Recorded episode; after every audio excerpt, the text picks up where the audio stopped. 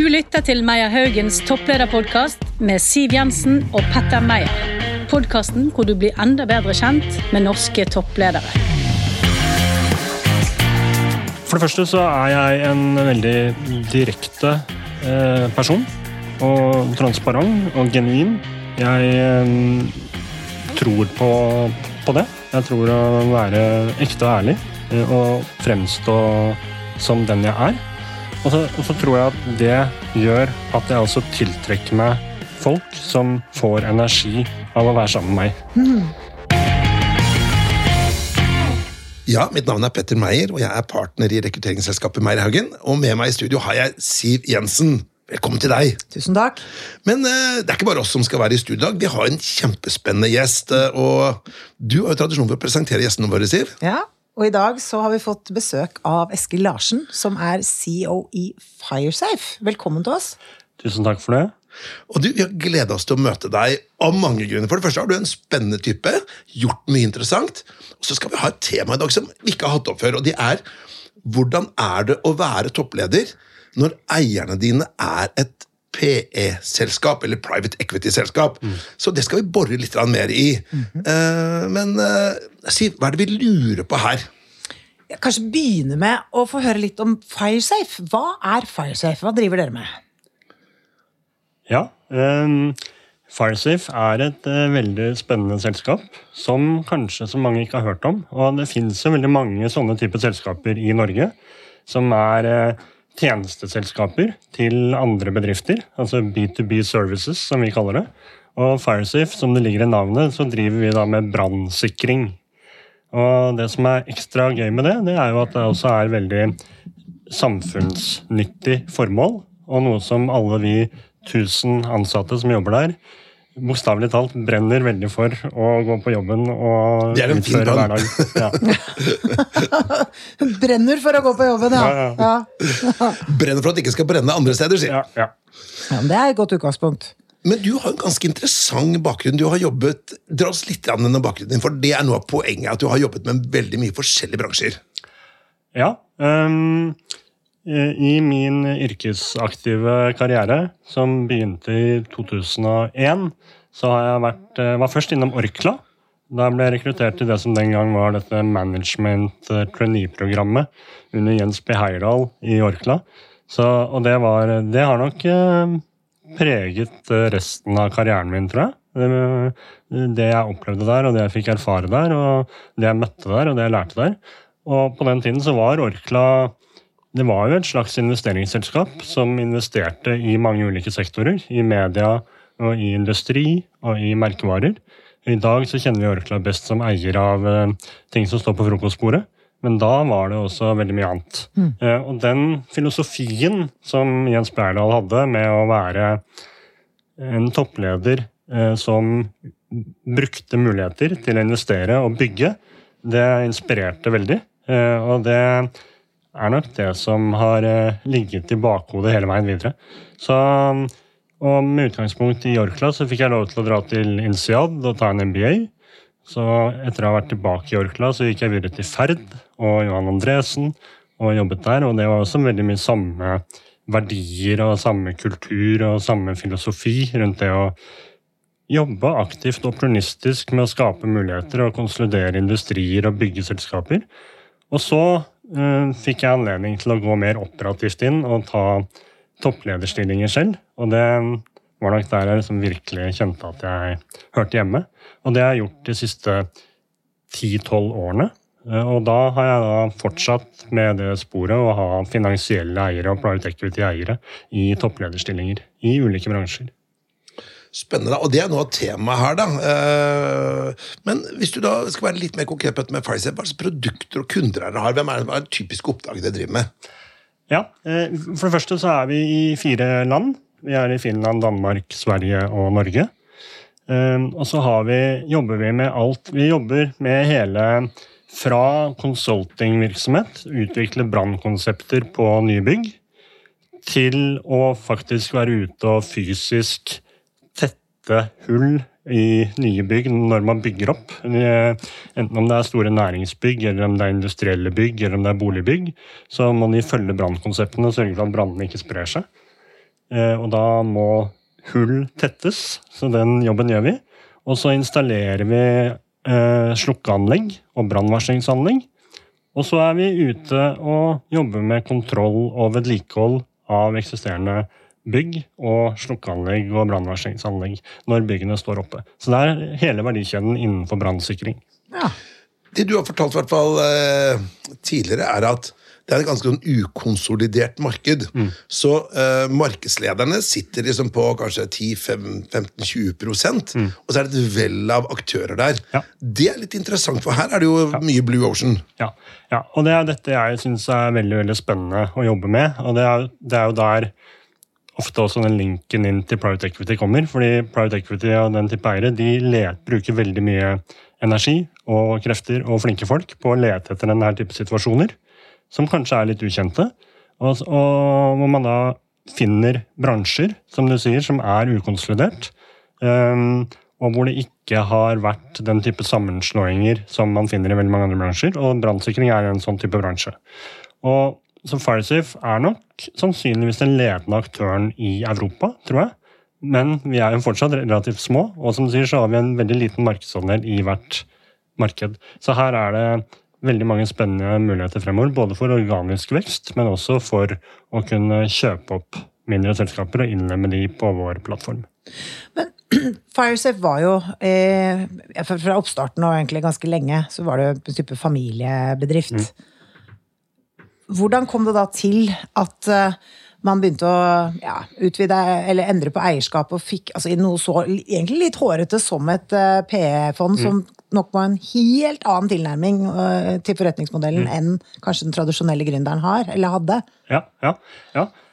ja det er et kjempespennende spørsmål. Eh, og, og, og, og det er jo da Dette her var Ammelen-familien. Eh, Som også, Jeg hadde ikke hørt om de før, men de er jo en industrieierfamilie. Norsk, norsk familie. Som eh, eier forskjellige virksomheter. eh, Blant annet Protan, som er en takproduksjonsselskap. Eh, Og, og opprinnelig så var Firesafe var en liten avdeling i Protan. Og så var det da Morten Ammelen, som nå er 61 år gammel, som for ca. 20 år siden som tok Firesafe-avdelingen ut av Protan. Og så kan tok han 100% eierskap til det, kjøpte ut søsknene sine. Og så har han da vært eneeier og administrerende direktør i dette selskapet i nesten 20 år. Og gjort en fantastisk jobb. Og så kom han til den erkjennelsen nå at eh, både som følge av alder, men også litt sånn som følge av at han opplevde at han hadde tatt ut det potensialet han hadde i forhold til å utvikle selskapet. Så, ønsket, så sto han overfor et valg, og det var enten å flytte seg selv opp som styreformann og begynne å bygge en struktur, eller å ta inn en profesjonell eier som kunne gjøre dette sammen. Og så gjorde han jeg synes han gjorde veldig gode vurderinger rundt det. Han vurderte at det var vanskelig å tiltrekke seg sterke nok team og ressurser, og også få nok både ressurser i styret, men også i ledelsen hvis han skulle eie det 100 selv. Så han valgte da å ta inn en PE-aktør. Og da valgte han FSN, som eh, jeg mener nå er eh, det beste private equity-miljøet vi har i Norge. Og da, og det var et valg han tok, og fikk da en veldig veldig sterk eier. Han ga fra seg kontrollen, så nå eier han da 35, mellom 35 og 40% og så sitter han som styremedlem, og det det er klart at det er et enormt steg for han å ta. Og så, og så får de, og Med en gang de hadde gjort den transaksjonen, så kom, tok de kontakt med meg og spurte om jeg kunne komme inn som ny konsernsjef.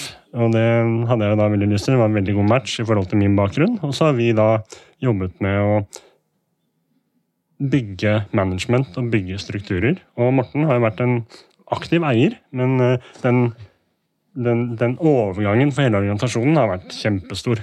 Ja, hvorfor det? Hva er det som har vært eh, krevende?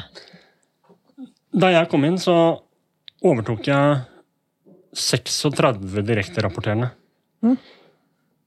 Så Morten han hadde jo da, i og med at han hadde ledet dette selv så lenge, så hadde han jo detaljkunnskap og detaljkontroll på alt. Og de ansatte følte nok at dette var et familieselskap, på godt og vondt. De følte en veldig trygghet til han. Eh, og så var det jo masse frustrasjon også, fordi at han tok jo alle beslutninger, han bestemte, og han visste hvordan ting skulle være.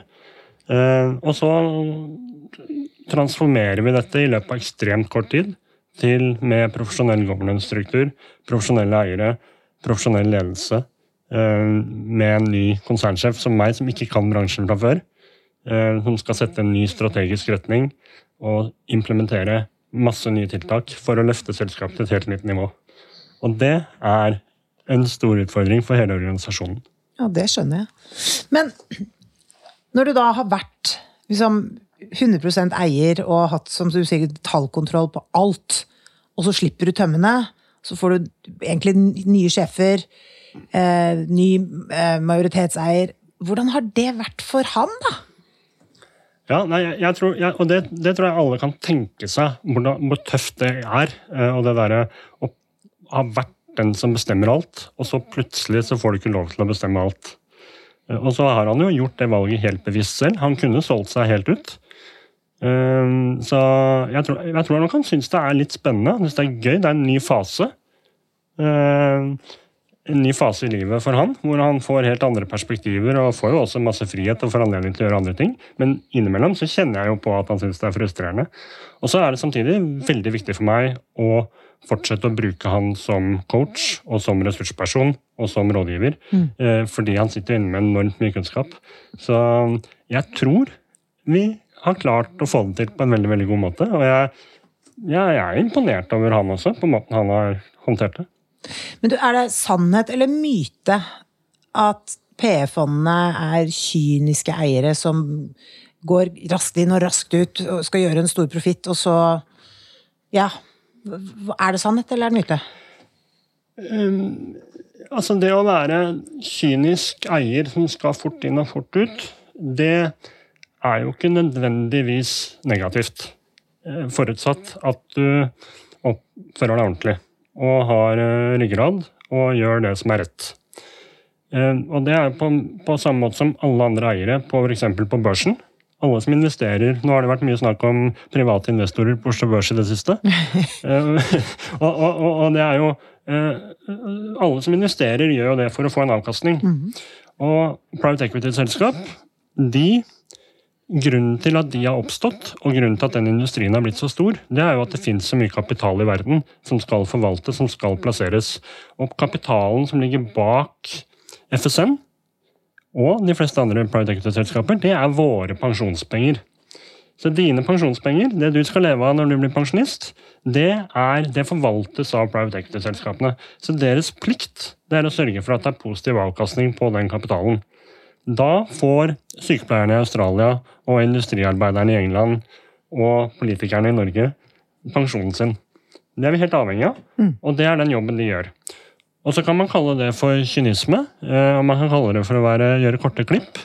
Men jeg mener at det er ikke noen motsetninger her. Eh, dette her er en jobb og en rolle, og en veldig viktig rolle. Og så kan du si at hvis jeg gjør det ekstremt bra, Eh, og dobler verdien på Firesafe og klarer å ta ut eh, veldig mange muligheter i løpet av veldig kort tid, eh, og de ser at det beste de kan gjøre for å skape avkastning, er å få en ny eier inn veldig, veldig fort, så kan det godt hende de gjør det. Mm. Men det kan også godt hende at de sitter som eier i fem, seks, syv år fordi at de ser at det største verdiskapningspotensialet det er å fortsette å være eiere, og de ser at de kan tilføre verdi sammen med oss i ledelsen. Og vi ser at det er så mye mer å ta av. Og så har de en deadline, og det er fordi at pensjonsfondene de har inngått en kontrakt med private equity-selskapene om at de skal ha tilbake pengene. Så FSN har disse pengene til låns en periode, så de må selge. Og det er jo noe av det jeg også syns er spennende. for Det gjør at vi i løpet av en relativt kort tidsperiode så skal det skje veldig veldig mye. Og det gjør at dette ligner jo mer på toppidrett enn en annen type jobb, hvor du kanskje har en mer uendelig tidshorisont. Forklarte det der ganske bra, syns jeg. Jeg syns det var veldig spennende. for jeg, jeg har jo vært bort, Vi har jo rekruttert ganske mye for P-selskaper opp igjennom. Men jeg syns du har en veldig pedagogisk evne til å forklare det så til og med de som ikke aner hva PE eller private equity er, skjønner på en god måte. Og Det er langsiktige eiere i disse pensjonsfondene. Og så må de da avhengig av å gjøre kortsiktige investeringer i, i, i mange etter hverandre. Må du passe deg så at ikke du roter til det fine resonnementet som Eskil hadde? ja. da. ikke prate mer nå, Petter.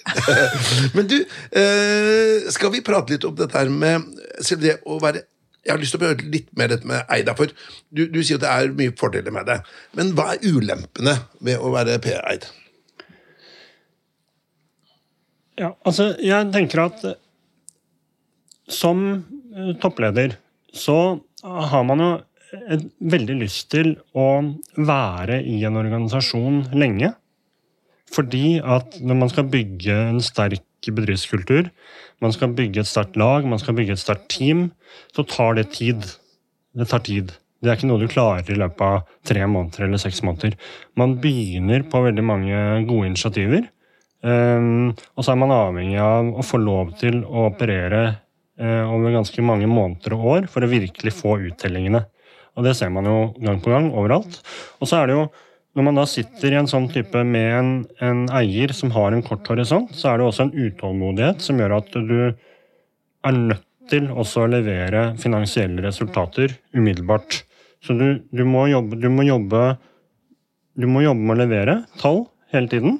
Og så må man også jobbe med å levere langsiktig verdi og gjøre alt rett. Det er nulltoleranse for, for uh, å gjøre uh, uredelige ting eller feil ting eller um, omgå regler. Altså alt skal gjøres etter boka. Uh, og så skal man i tillegg prestere bedre enn alle andre. Så det er et enormt høye krav. Så i den grad det er en ulempe, så er jo det en ulempe. Men, men jeg ser jo egentlig på dette her som en fordel. Uh, fordi at du med det presset så kommer det også masse ressurser. PE-selskapene de sitter med erfaringer fra veldig mange andre selskaper. Um, og de rekrutterer jo også selv veldig gode mennesker inn til sine eiermiljøer. For de er populære arbeidsgivere.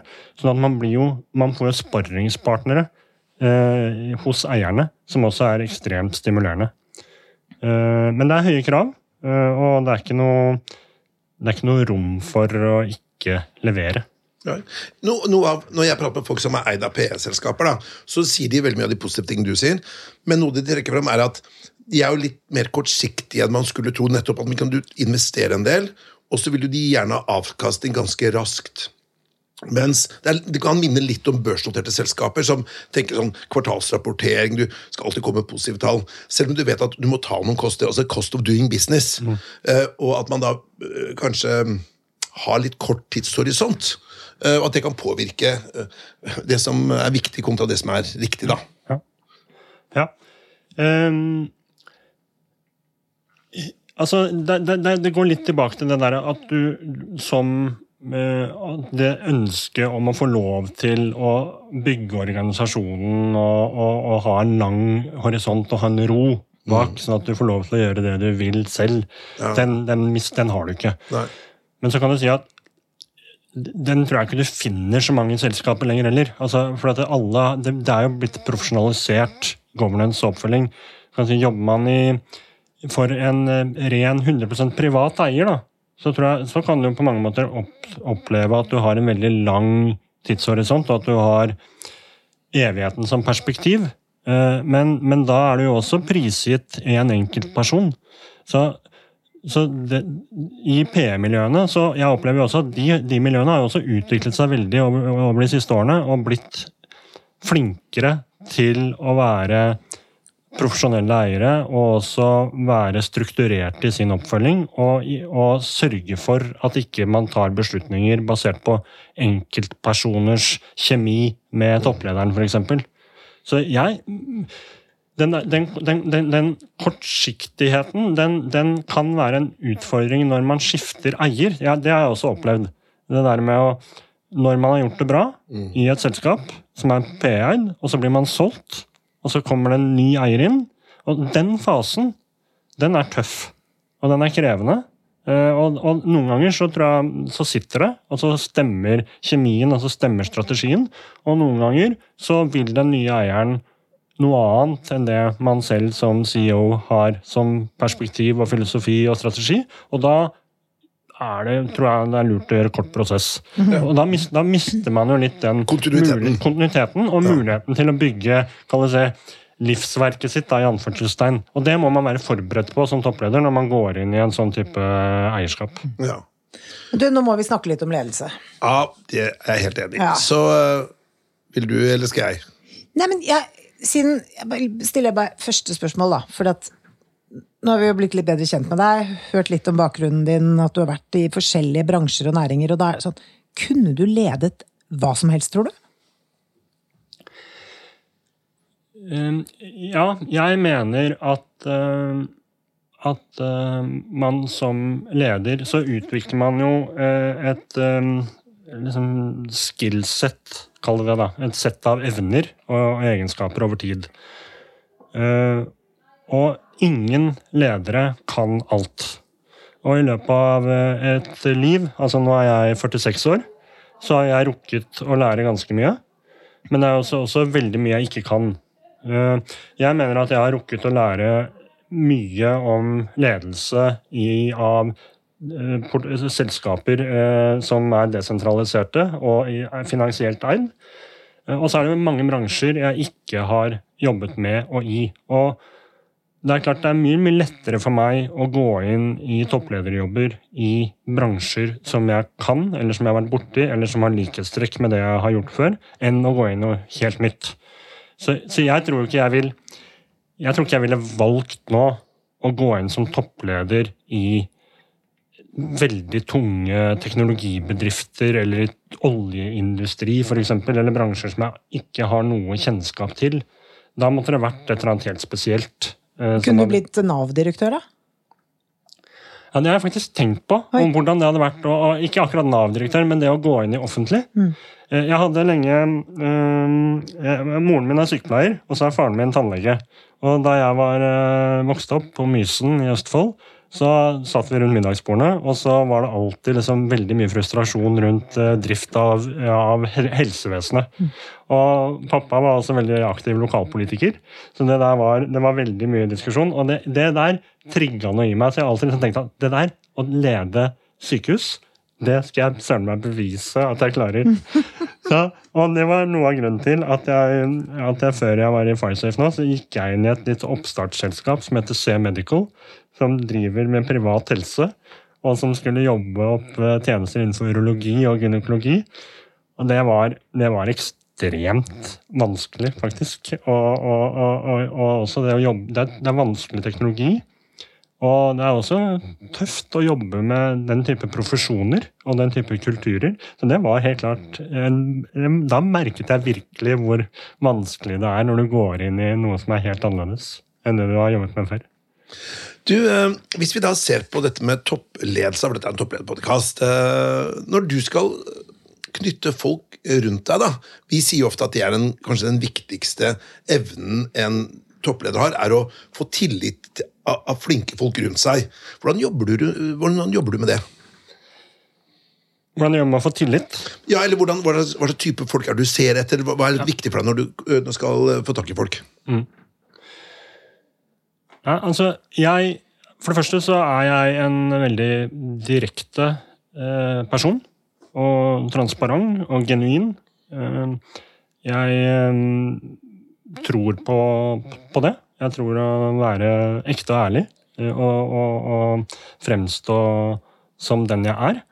Og så, og så tror jeg at det gjør at jeg også tiltrekker meg folk som får energi av å være sammen med meg. Eh, og det fungerer bra. Eh, og så er det da sånn at når man rekrutterer, så har man den luksusen at man kan selektere. Eh, og kan få lov til å velge mellom gode kandidater. Og da er det jo selvfølgelig dette med at du har kompetansen på det, det, det oppdraget vi skal løse. Eh, Men også der så er jeg pragmatisk i forhold til bransjeerfaring. Eh, Men jeg er jo veldig opptatt av at du tikker på mange av punktene, som, sånn at man kan hoppe rett inn og begynne å skape verdi raskt. Det, det er vi helt avhengig av. Eh, Og så når da folk er om bord og er en del av teamet, enten om de var der fra før, eller om de blir en del av eh, teamet etter at vi har rekruttert dem, så er jeg opptatt av å fokusere på saken. Jeg fokuserer på det vi skal gjøre, og det vi skal realisere. Så for eksempel nå da, i Firesafe, så vi går ekstremt analytisk til verks. Vi analyserer situasjonen, vi setter strategien, vi skaper strukturene, og så prioriterer vi tiltakene. Og så forventer vi at eh, folk tar ansvar, og vi er veldig tydelige på accountability, hvem som har ansvar for hva. Og så må man levere. Og så I det så skal vi også ha det gøy, og så skal vi bygge laget og skal vi hjelpe hverandre. Og det er det, er det jeg fokuserer på. Og da forutsetter jeg at folk er der for å bidra. Eh, og det stemmer stort sett. Høres ut som en kul sjef, du. Ja, Men du. Dette skal vi bore litt mer i, Sibel. Nå skal vi gå over litt i personlighet. Um, vi har da noen punkter som forskning viser at er du toppleder, så er det ganske sannsynlig at du har mye av disse punktene. Men ikke nødvendigvis alle. Så vi kommer til å gå litt igjennom de, eh, og så kan du svare ja eller nei eh, med en gang. Og så skal vi nyansere det etterpå. Og så er det da Siv som skal ta rollen som eh, an- analytiker. Er du klar? Jeg er klar. Eh, har du stresstoleranse? Ja. Eh, høyt energinivå? Ja. Har du selvtillit? Ja. Påvirkningskraft på andre mennesker rundt deg? Ja. Er du resultatfokusert? Ja. Overbevisende? Ja. Hensynsfull? Ja. Besluttsom? Ja. Optimistisk? Ja. Det var mye ja her, Siv, men eh, kjenner jeg deg rett, så har du noen uh, borepunkter? Ja, det var altså, veldig tydelige og raske svar, med unntak av to. Du, jeg la merke til at du nølte og tenkte deg om når du fikk spørsmål om du var hensynsfull. Hvorfor det? Nei, fordi at eh, når jeg blir engasjert og ser målet tydelig foran meg, og forventer at alle er med og bidrar og gir gass, så kan jeg nok kanskje oppleves som mindre hensynsfull eh, i perioder. Eh, men så tror jeg også at eh, jeg har mye empati, og jeg bryr meg om folk. Og jeg liker å få med meg alle. Sånn at eh, Det var derfor jeg dro på det. Det var en god forklaring. Og så var det en litt mindre, men dog en nøling på om du var optimistisk. Ja, ja. Nei, og det er jo fordi at uh, jeg leter jo hele tiden etter hva som kan gå galt. Sånn at uh, Så jeg er jo litt eh, Så, så, så jeg, jeg er jo bekymra i så måte hele tiden for alt som kan gå galt. Og så samtidig så tenker jeg jo at uh, bare jeg finner problemet, så løser jeg det. Så sånn sett så er jeg optimistisk. Men jeg er hele tiden bekymret for at det er noe jeg ikke ser. Du, dette her er jo interessant, da. Men hva, hvis vi da For det er jo ganske sånn bold statement å si at du øh, jeg må finne problemer, men jeg kan løse nærmest alle problemer. Hvilke problemer syns du er de vanskeligste å løse i en bedrift? da? Det er øh, eh, Altså, vi er jo hele tiden avhengig av tillit. Og når de gangene, og jeg sier når, for det skjer alltid, at eh, tilliten mellom i enkelte steder eh, svikter, så er det er det tyngste å jobbe med. Men hva gjør du da? Når, altså, dette skjer jo på alle arbeidsplasser på et eller annet tidspunkt. At det oppstår en personalsituasjon, vanskelige ting. Hvor du må sette deg ned og ta den liksom, tunge, litt vanskelige samtalen. Hvordan syns du det er? Eh, ja, nei, altså i, nå, i, Det er jo det som er litt deilig med en toppleder. Da, det er det at man, slipper, man har jo ikke så mange av de samtalene nedover. Fordi at de fleste av de du jobber med, er rasjonelle, og de er flinke, og de er rekruttert på, på, med de forutsetningene at de er på et høyt nivå. Og hvis ting ikke funker da, så er det veldig rasjonelle samtaler på å avvikle. Enten så løser man det, eller så avvikler man, og så er man ferdig. Altså, jeg, er jo, det, jeg er veldig ydmyk, at jeg slipper jo unna veldig mange av de de tunge personalsituasjonene som jeg tror mange, f.eks. i helsevesenet eller i det offentlige, er nødt til å håndtere hele tiden. Fordi du har ikke den luksusen som jeg har, at jeg kan avvikle og gå videre. Det er det ene. Men den jeg har, det er jo at jeg har den oppover. Så jeg må jo hele tiden også bygge den tilliten og sørge for at den er der hele tiden opp mot styret. Og alle styremedlemmene, tidligere eier, nåværende eier, eh, private equity. Eh, og, den, der, og der, Man har jo ikke de tunge samtalene, men man må hele tiden sørge for at man er i forkant, og at man er transparent, og at man deler riktig informasjon. Eh, og det krever mye. Men hva gjør du da? Altså, jeg tipper at du jobber ganske mye. Og så har du med, sant, Du jobber i et veldig profesjonelt system. Ut fra hvordan du har beskrevet dette, så er du ja, ganske fremme i skoa hele tiden. Full fart. Mye å ta tak i. Hvordan ventilerer du, eller avreagerer du? Hva, Ja. du, liksom, hva gjør du når du ikke er på jobb? Ja, jeg, har også et ekstremt høyt aktivitetsnivå når jeg ikke er på jobb. Så jeg har øh, tre barn øh, på 16 og 14 og 13. Øh, vi har en hund. En flott, flott kone som også jobber som eh, toppleder. Eh, og så har vi, er vi veldig glad i å seile. Og vi er veldig glad i å gå på ski. Eh, jeg er glad i å trene. Mange venner. Så jeg, jeg avreagerer og kobler av ved å ha høyt tempo hele tiden. Ja. Så du er ikke sånn derre Netflix-sliter? Nei, innimellom så har vi sånne serier da, som, vi, som vi må se, og da er det gjerne en episode sånn, sånn rett før leggetid. Men uh, det blir ikke noe særlig mer TV enn det. Du, eh, Siv, jeg syns dette har vært en veldig fin podkast. Tenkte vi skulle gå litt inn for landing her nå. Ja. Eh, Eskil, eh, eh, jeg må si at eh, jeg har fått et bedre innblikk i hvordan det er å være toppleder med et PS-selskap som eiere. Eh, høres ut som veldig positivt, men det kan også ikke være noen utfordringer. Og så må jeg si at jeg, eh, Dere gjør en viktig samfunnsviktig jobb da, rundt det å, å, å brannsikre folk. For det er jo heldigvis ikke så mange som dør i brann i Norge, og dere har jo sikkert en god fortjeneste av det. Eller god, ikke god fortjeneste av det, og det har dere sikkert òg, men det er, det er det som er eh, årsak til at det er mye sikkerhet. Ja. Det var det jeg tenkte å si.